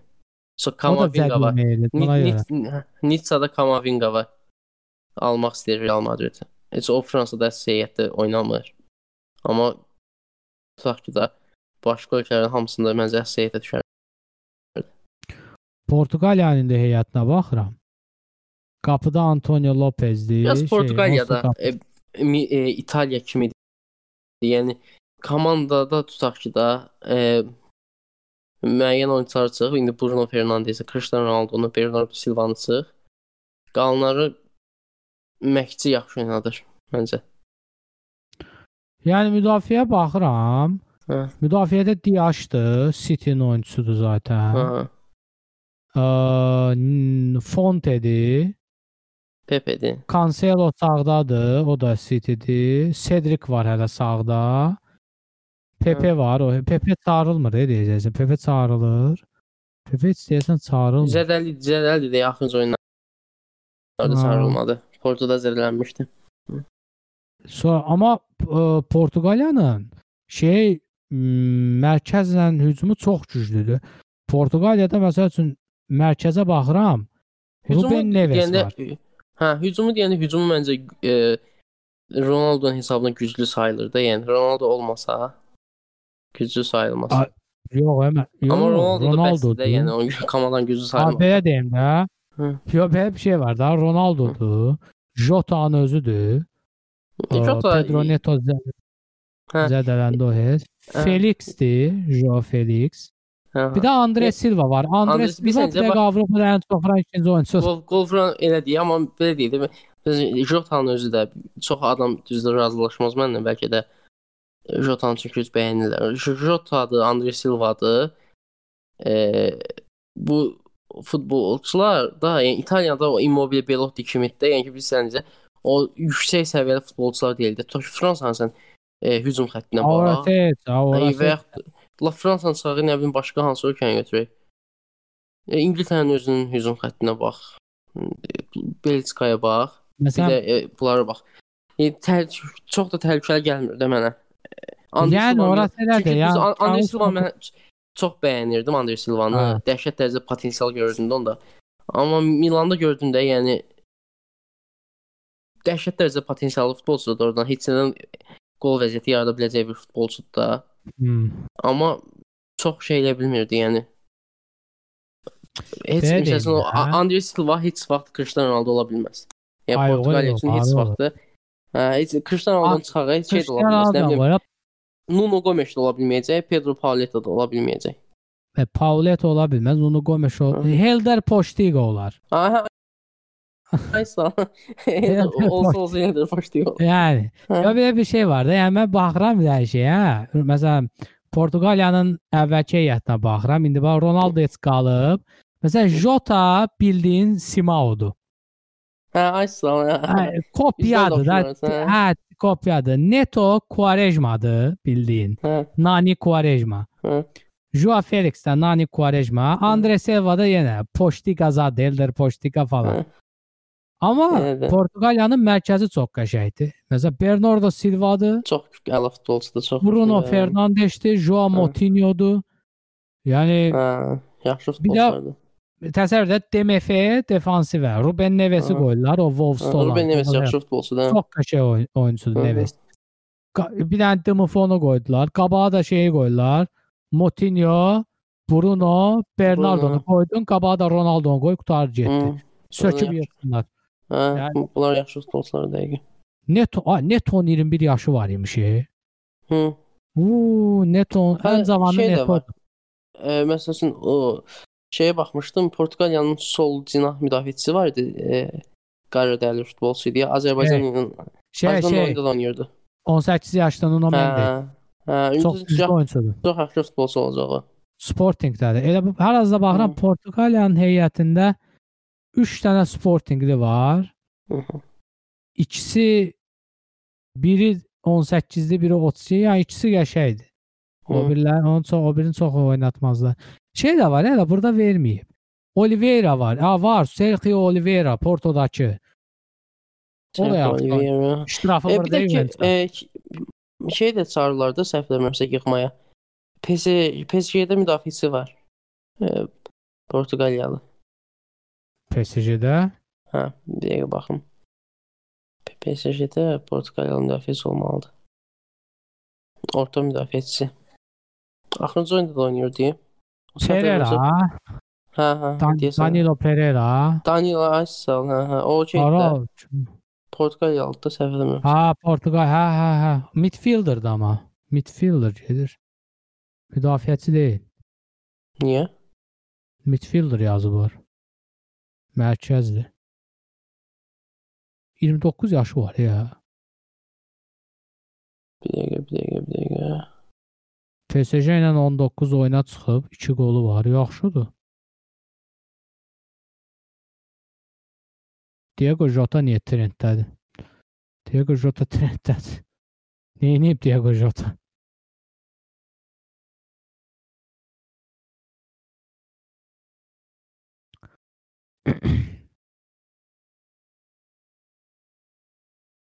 Bir də e, əsas biz yığmalardan danışırdıq, Avropa çempionatından danışırdıq. E, mövzu buraya gəldi. Yəni Avropa çempionatında e, indi İtalyan, Portuqaliyanın dediyi favorit kimi, amma yəni Fransanın dediyi e, başqa Belçika nisbətən yəni ki, o 2018 dünya çempionatına baxanda daha zəifdir. O da Ha. Hazard'a görə məncə. Yəni Hazard Düz əksinə amma Hazard olmasa da De Bruyne ilə Lukaku pik vaxtındadılar. Amma inanmıram. Belçika nəsə eləyə. Hə. Eee başqa İngiltərədir. Bildiyimiz hər zamanki İngiltərə heyəti Hə, yığsa da çox yəni yaxşıdır heyət. Yəni ki yaxşı bir məşqçi İngiltərənin çempionu ola bilər. Yəni yaxşı məşqçi çempion ola bilər. Hı. Əlində çox yaxşı oyunçular var. İngiltərə yəni 2018 il dünya çempionatından istifadə edə bilmədisə, yəni düzdür müəyyən qədər istifadə elədi, yarım finala gəldi. Amma yəni ki, amma finala şey- gələ bilmədisə, Xorvatiya oda bilmədisə, yəni heç vaxt Xorvatiyada Xorvatiya idi də onlar. E, elə idi, amma yəni Xorvatiya borclu idi İngiltərə tutmağa. İngiltərə Xorvatiya tutmağa. Xorvatiya özü məsələn e, nisbətən zəifdir 2018-ə baxanda. Amma belə deyim, ha, həqiqətən yəni Xorvatiyanı keçsəydilər, inandırım səni İngiltərə Fransanı uda bilərdi finalda. Ha, Ola bilər də. Ha. Özü şu İngilislə olsa prinsip, məsələsi var. prinsip var. ha. Futbolun hər şey ola bilərdi yəni. Yəni iki komanda da sürətli idi. Biri birinin Ha. atakda tutsa vəsə. Sonra İspaniyaya, m, məncə İspaniya, Əş, Güclü İspaniyanın qatarı gedib. İspaniya, hə, İspaniya. İspaniya. Qatarı gedib. Düz Düzdür. yəni ki, İspaniya bilirsən necə? E, yenə də e, pozum indi e, belə deyək, indiki İspaniyanın e, yığmasının heyətinə bax. O çempionluq istəyən futbolçular deyil heç biri. Heç biri Hə, çempion yox, yox. olacaq heyət yoxdur İspaniyanın qətiyyən. Düzdür, yəni hamısı hamısı istedadlı futbolçudur. Hətta mən deyərdim İtalyan heyətindəki oyunçulardan daha istedadlıdırlar. Amma o çempion şey İtaliyanın oyunçularında var, hardasa o İspaniyadaşlarda yoxdur yəni. Ya əşi, Al Almaniyanın Almaniyanın özü də məsələn məncə elədir. Heyət çox da pis deyil. Yaxşı da deyil düz. Amma o da çempionluq heyəti yoxdur. Almaniyanın da. Nə deyim Yəni oyunçularda şey yoxdur. Almaniya həmişə pasiv görsən Rosta. Almaniya 2020-də belə olacaq. Ya 4də 1-də udacaq, ya yarım finalda. Özü hətta e, Sane'ni də bir də gördün aparmadılar.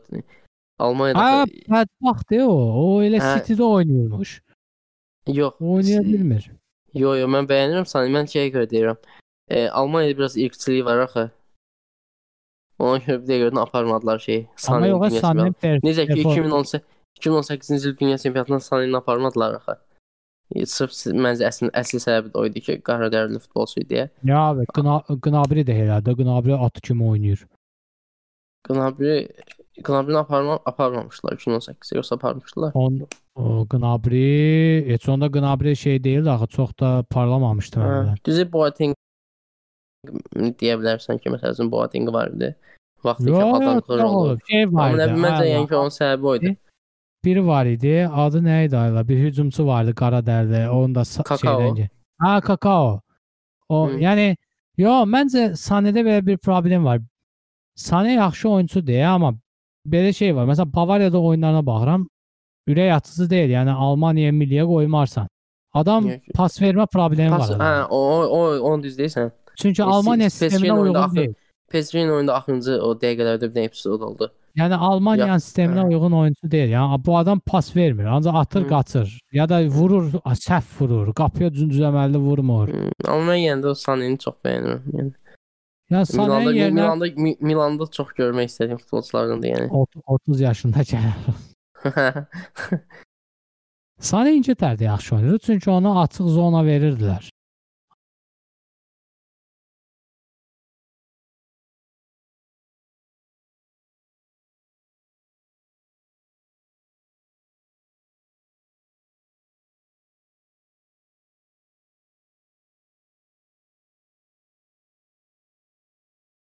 Amma Bavariyada Gnabry üzə yox idi, Goretzka Yox, yox yox. idi. şey var. E, e, a, Hə. Chupom Achi. Chupomoti Hə, gəldi Stokda oynayırdı. PSG-yə, City'də sonra- oynayırdı bu adam. Gəldi PSG. PSG-dən Bavariyaya Hə, gəldi. Final hardandı mənim başım Hə. sıxmır. Səndən İşte yüksələn. Fransızdır.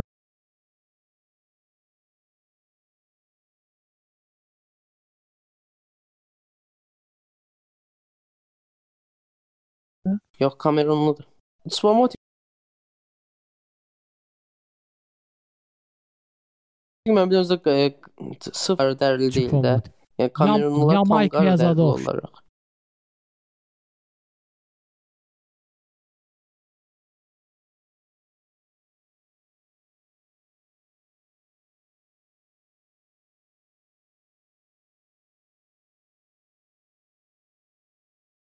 Şuraya bir Choupo-Moting. Yamaykan, Cameroonian, Cameroonian German yazır. Hə, hə, sağ ol. Hə, deyim də Almaniya ilə qaçışı var bunun 100%. Sani kimi iddiadasan.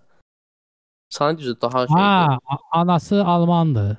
Hə, deyim də baxanda bilinir ki, bu Zaten ada baxda e, hə, Maxim Choupo-Moting. 32 yaşı var ya adam. Aa qocaymış ki bu. Qocaymış hə. Çoxdan oynayır da. Neçə vaxt oynayır? 2007-dən oynayır. Hə. Mainzdə, Schalke, Stockda bu karyerasının axırında hə. Almaniyanın U21-də oynayıb. U19-unda oynayıb. Amma Kamerunun yığmasını seçib. Hmm. Sən o çox şeydən olur da. 2010-dan Kamerun sözü. Ə, rəqabətə şeyləmir də, girmək istəmir. Sonra çünki 2010 Kloze'nin zadın vaxtı idi o dövrlər. Düzdür, Klose. Gomez, Kloze falan. Amma də 2010-dan sonra, a yox, hələ 2014-də də oynadı Kloze. Hə, rəqabətə. Kloz girdi. oynadı. Hə. Yəni ona görə bu millilərə baxıram. Ə, Fransanın şansı var, böyükdür. Çempionluq şansı çox böyükdür. Çox böyük faizi tutur. Amma belə mənim istəyim olsa, mən Portuqaliya İtaliya finalı İtaliya. görərəm. Mən əslində yəni ki, e, keçən dəfə demişdim. Türkiyəni istəyərdim ki. Ha Türkiyə mən də istəyirəm, amma Türkiyənin bir dənə bir problem var ki, hər an gözlənilməz bir performans göstərirlər də. Yəni Hə. gö Yəni udmalı Türkiyə Türkiyənin qrupunda şeydə tutaq ki, İtaliyadır, İsveçrədir. Bir də US-də. Gedəcək tutaq ki, İsveçrənin İtaliyan olacaq, gələcək US olacaq. tutaq. Qalacaq qrupda. Elə bir şey o olar bu Türkiyə. Biraz nə bilim, bax indi dünya çempionatının qruplarını da yaxşı başladılar. Gəlirlər Latviya ilə üç-üç. Hı. Dəhşət özünə arxayınlıq oldu ona görə. Bir də ki, Latviya nəyəsə görə həmişə onsuz Türkiyənin. Ha elə onu deyəcəydim. İllərdir baxmışam Latviya uduzmayıb ya Türkiyə. Hə, heç vaxt uduzmuyor. Yəni nə şeydirsə bu adamlar 3-0-dan 3-3 eləməkdə, nə bilim, Hə. yəni Latviya kimi ölkə 3-0-dan 3-3-ə yəni halaldır. 3 Hər ölkə bacaran 3 3 3 birdən səhvlənir. olsun 3-1-dən la. Hə, 3 birdən 3 sənədlər da, yəni Türkiyə üçün bir abırçılıq da idi. Latviya, Yəni, Latviya e, şey MDB ölkələri arasında ümumiyyətlə səhv eləmirəmsə ən sonuncu yerdədir. FIFA reytinqində. 170-ci yerlərdədir. İndi bəlkə indi bu Türkiyənin heç eləyəndən sonra qalxıb, amma yəni bizim millidən zəif bir yığmaqda. Təzə 2 il bundan qabaq yoldaşlıq oyunu oynamışlar bizlə. Azərbaycan udmuşdular deyəsən. Ha bizim yəni də onu deyirəm. Bu böyük bir şeydir. Latviyalılar üçün böyük bir şeydir bu. Hı. Ki, nə bilim. Bir də Türkiyədə Merihlə şey var, e, çağlar var. Aha. O biraz etibar verir. Ha, O e, Kan Ayhan olsun, Ozan Kabak olsun. Müdafiə Yəni xətti o- superdir Türkiyənin. Turnirin necə deyim, biraz turnirin qazı ilə bu mərkəz ikili fantastik iş görə bilər Türkiyə. Yox, e, bir dənə yəni ki, o bir şey deyim. E, Türkiyədə əslində o müdafiə xətti e, fərd olaraq çox yaxşıdır da baxsan.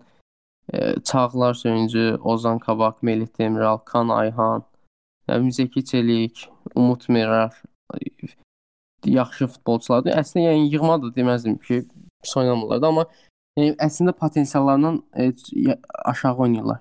Onun da səbəbi odur ki, Şenol Günəş e, müdafiəni çox da yaxşı oynada bilən bir məşqçi deyil. Şenol Günəş Beşiktaşda da görmüşdük də onu. Müdafiəsi müdafiəni yaxşı oynada bilmir. Yəni ki, komanda müdafiədə boşluq olur da. Nəyə görə Latviyanın 300 qaldı? Müdafiədə boşluq var idi. Ha. Nəyə görə e, Hollandiyadan dalbadal 2 top yedi? Müdafiədə Ha, boşluq həm, oldu həm vurur, komandada. həm buraxır. Çox Hə. vurur, çox da Hə, buraxır. elə də. Am, başqa nə qaldı? Başqa fikirləşirəm ki, belə bir şey qalmadı əslində. Bütün futbolun hər incəliyinə toxunduq, yəni. Hələ yenə toxunduq. İtaliyadan girdik. Portuqaliyadan çıxdıq. Süper Liqadan girdiyi Avropa çempionatında sonlandırdı. Bu nədir? Son dəqiqə Manchester United klubunda idarə heyətinin rəhbəri olan Ed Woodward mövsüm sonunda klubda qalacaq. Sonuna dək klubda qalacaq. İşləri tamamlandıqdan sonra mövsüm sonunda vəzifəsindən istifadə edəcək. Bu necə olur? ala? Adam durdu, klubu gətirdi so Super Liqaya, indi çıxır mövsüm sonu. Bu nə şeydir? Yəni son dəqiqə İngiltərə mediasına əsasən Agnelli ailəsinin sahibkarı olduğu Juventus klubunda prezident Agnelli vəzifəsindən istifadə ist istefa verdi. What the fuck? Agnelli şeyə getdi axı. Agnelli şeyə gedir də, Süper Liqada vəzifəyə gedir. Yəqin ona görə. Yəqin öz adamını qoyar da, özü olmayacaq. O başqa səbəb ola bilməz. Woodward da istifa istefa verdi. Bu, bunların nə oldu? Bunlar klublar zibilə çəkdi, özləri çıxdılar. Yox, məncə başqa söhbət deyil. İstefa yerlərini yəqin öz adamlarını qoyacaqlar. Belə bir şey ola bilər. Perez yenə açıqlama zad eləyəcək. Manchester City Super Liqa layihəsindən çəkilməyə qərar verdiyini bildirdi. Çəkilməyə? Barcelona prezidenti Laporta bildirdi ki, klubun rəsmi sosioları, rəsmi üzvləri lehinə səs vermədiyi təqdirdə klub Avropa Super Liqasına qatılmayacaq. Nə oldu ha bunlara? Hamısı Hətta şeydir. 100% Geri atdılar. UEFA-dan istədiklərini aldılar. Hə, o, o, o da deyir, deyir, orta, ortaq məxrəcə gələcək. Ortaq məxrəc orada. Milyon faiz UEFA-dan istədiklərini aldılar. Onlar blöfə elədilər. UEFA da yəqin dedi, tamam, tamam. Hı. O Razı. darbə də darbə yaşamışdı o da. Ha, da bu nə idi hə, day? Hı. Yo, yo, məntiqsizliyi də hardan tutsan qaçırdı, yəni bu məntiqsiz bir şey idi. Yazılar Real Madrid də çıxdı. Bax nələr baş verir. aman aman. Twitter'a baxa görə Twitter'da mən şeyəm United amma Ed Woodward'ın çıxmağı çox yaxşı oldu. United'i bel üstə qoydu Fergusondan sonra CEO olaraq. Yəni bütün transferlər bərbad, bütün şeylər bərbad. Deməli Woodward çıxdı. Ha, Hamı belə. gülür. Beləncə Xoş oldu söhbət. Uzal. təbii, təbii Çox çox, sağ ol xoş. dəvət elədin. Hələ qarşıda edilən söhbətlərimiz çoxdur. Ümumiyyətcə mən səndən şey söhbət eləmək istəyərəm. Futboldan əlavə məsəl üçün baristalıq peşəsi ilə bağlı, Eləmək olar, hə. Restoran Danışaq. sektoru ilə bağlı ümumiyyətlə danışmaq olar. bizi aydınladasan bu nədir, nədir, necə bir şeydir. Sən indi ə, belə də onda şey deyək. Yekun verilişimizi yekunlaşdı. Verilişimizi yekunlaşdıraq. Sonda sponsorlarımıza təşəkkür edirəm. olmayan sponsorlarımıza təşəkkür edirik. Sponsorlar gözləyirik təbii ki. Sponsor nə qədər olsa bizdə o qədər çox veriliş şansıdır. Yəni. Nəysə, son sözün var verilişin bitməyinə dair. Ay, son sözüm odur ki, e, yəni gözləyəcəyim növbəti belə də e, mövzularda. Növbəti mövzu futbol mövzumuz onsuz həmişə olacaq bizim inşallah. Futbol elədir ki, həmişə futbol nə qədər var, biz də o, o haqqda söhbət edəcəyik yəni. E, yəni Belə, davamlı olsun inşallah.